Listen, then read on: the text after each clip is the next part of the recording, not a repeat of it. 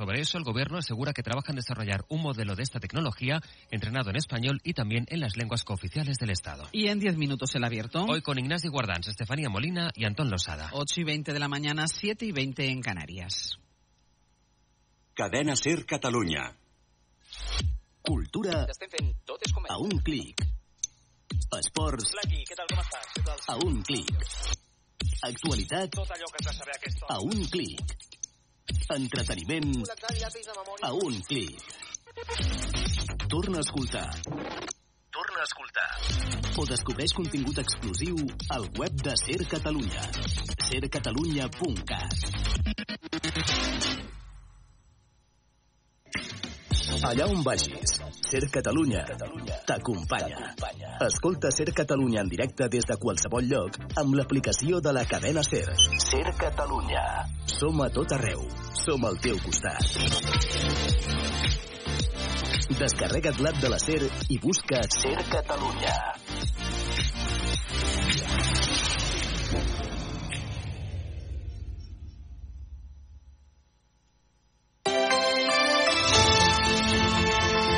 Hoy por hoy Cataluña. Susana Ruiz.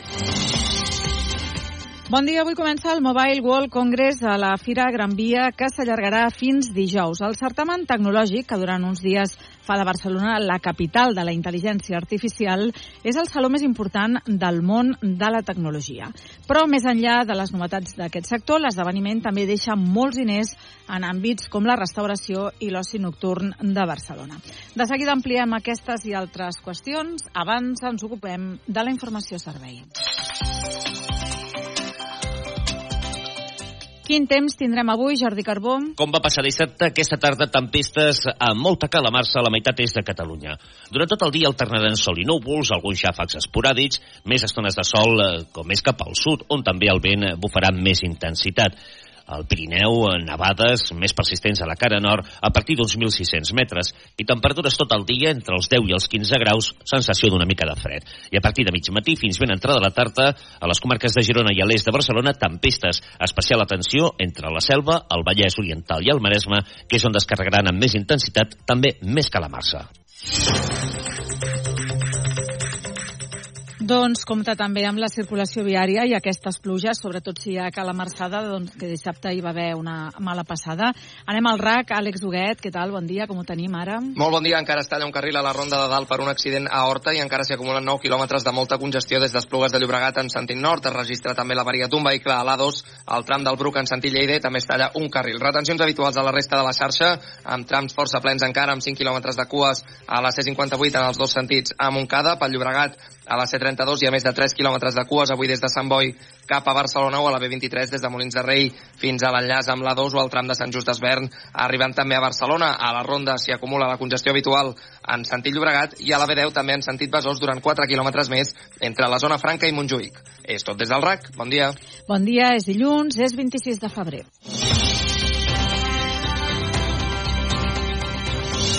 I com dèiem, avui comença el Mobile World Congress, el saló més important del món en telefonia mòbil i altres tecnologies. Més enllà d'aquestes covejades, novetats del sector, el certamen mou molts diners en àmbits com la restauració i l'oci nocturn. La patronal d'aquests darrers, FECASARM, xifra en més de 100 milions d'euros als ingressos derivats dels congressistes, Arnau Baquer. El president de la patronal de l'oci nocturn, Joaquim Boades, ha assegurat que l'impacte d'aquests dies només es pot comparar amb les nits més destacades de l'any unes dates en la que fas sold out i que evidentment doncs, això es pot equiparar doncs, a dates importantíssimes com podria ser doncs, Cap d'Any, Halloween, Sant Joan, per tant és un impacte molt important dins, dins del que són els quatre punts importants de l'any. Boades també destaca que el mobile permet que el sector tingui uns ingressos molt elevats en un mes, el de febrer, que acostuma a ser bastant fluix.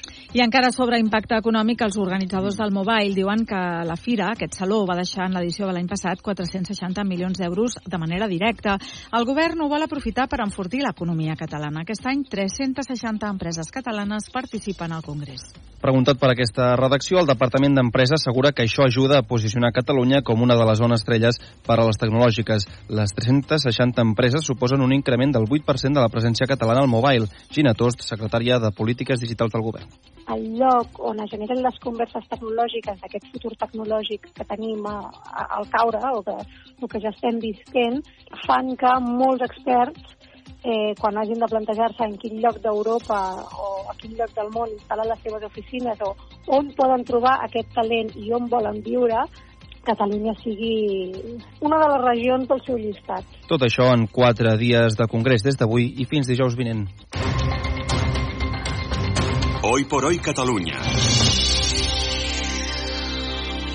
Canviem de tema. L'impost als grans vaixells corre el risc de no aprovar-se. Hores d'ara, el més previsible és que aquesta taxa, que el govern va aprovar el mes de novembre, sigui rebutjada pel Parlament després que Junts per Catalunya hagi canviat la posició que havia mantingut des de l'any 2017. Tant els juntaires com el PSC pretenen frenar aquest impost verd que recull la llei del canvi climàtic i que està pendent des de fa gairebé set anys. Ho amplia Xavi Avalló. L'impost als grans vaixells podria naufragar quan més a prop estava de convertir-se en realitat. Tant Junts com PSC tenen la intenció de tombar-lo en el primer debat que es faci a la cambra perquè, al seu parer, l'impost generaria una pèrdua de competitivitat important pels ports de Barcelona i Tarragona. Els dos partits fien la fiscalitat verda en el sector marítim a la taxa que la Unió Europea ja està treballant. Aquest previsible veto suposa un canvi de parer de Junts, que havia estat donant suport a la norma mentre era al govern. Esquerra els demana que rectifiquin Marta Vilalta en declaracions a Ser Catalunya. Que Junts i el PSC s'estan situant al costat del PP, Vox i Ciutadans en contradirecció d'on hauríem d'anar com a país. Tant els republicans com els comuns lamenten el greuge comparatiu amb l'impost a les emissions dels vehicles. David Cid. Hem als costos de la gent, però al final amb les grans companyies no s'atreveixen. De moment encara no hi ha data perquè el Parlament voti sobre aquest impost que el govern ja havia rebaixat respecte a les seves intencions inicials per mirar de trobar consens. El gabinet de crisi creat arran l'esfondrament avui fa just tres setmanes d'un edifici al carrer Canigó de Badalona es reunirà aquest matí per analitzar la situació. Recordem que, més del bloc que va caure, se n'han desallotjat tres més per l'aparició d'esquerdes. Assistiran a la reunió la consellera de Territori, Esther Capella, l'alcalde de Badalona, Xavier García Albiol, i el, i el vicepresident executiu de l'àrea metropolitana, Antoni Balmont. En aquesta trobada s'analitzaran les conseqüències de l'esfondrament del número 9 del carrer Canigó i les actuacions que s'han de dur a terme. Recordem que l'Ajuntament l'Ajuntament de Badalona ja ha demanat la revisió de 22 blocs amb més de 400 habitatges perquè també es van construir en la mateixa època i els mateixos materials que l'edifici que va patir l'esfondrament.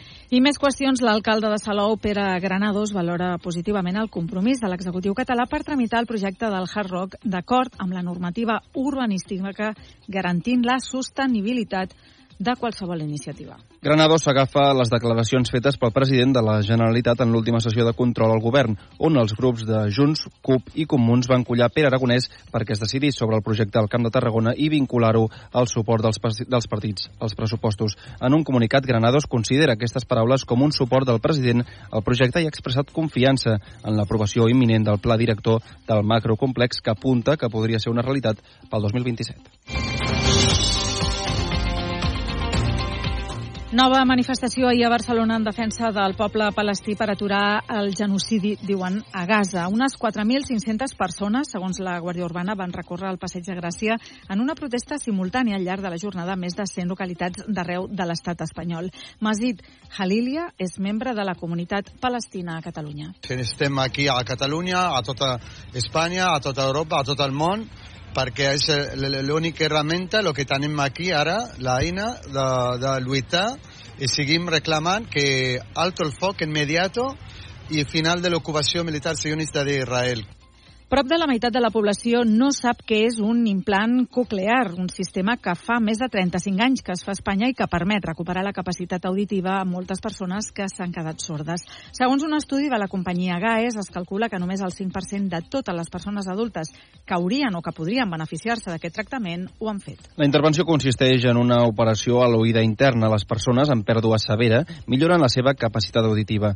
José Vicente, que es va sotmetre a un implant coclear, explica la seva evolució después de la cirugía. Para escuchar casi un año, en mi caso, porque yo ya tenía eh, secuelas de, de, audición que, te, que escuchaba y, y es como volver a, a despertar el sistema nervioso. Segons GAES, a tot l'estat es calcula que hi ha unes 200.000 persones que pateixen pèrdua auditiva profunda.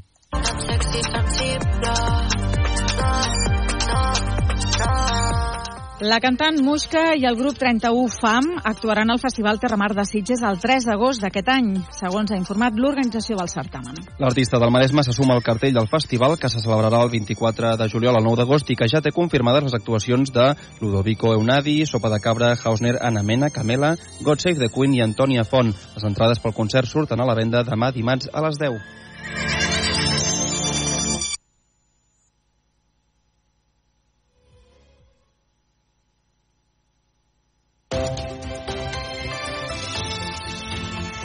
En la cadena Ser, hoy por hoy, con Ángeles Barceló. Son las ocho y media de la mañana, las siete y media en Canarias. CaixaBank patrocina este espacio. Tiempo para el análisis, tiempo para el abierto en esta mañana de lunes en la que parece que ha vuelto el invierno, no un invierno muy frío, pero que han vuelto las temperaturas más habituales para esta época del año, con Estefanía Molina, aquí a mi lado. ¿Qué tal, Estefanía? Buenos días. ¿Qué tal, Ángels? Muy buenos días. Hoy en Radio Barcelona, Ignasi Guardans. Guardans, buenos días. Buenos días, buenos días. Te veo en la tele. Me ves en la tele. Te veo en la tele, ya es un progreso. ya es, exacto, cuando, cuando, estás fuera de, fuera de España no me ves. Anton Losada, ¿qué tal? Muy buenos días. Buenos días. ¿Cómo estás? Aquí, soportando el temporal. Venga, mira, os voy a plantear un debate y se lo voy a plantear también a los oyentes eh, para abrir eh, este tramo de, de radio. Después eh, iremos a toda la actualidad política, caso Coldo, pero un debate mmm, del que se ha estado hablando mucho este fin de semana a raíz de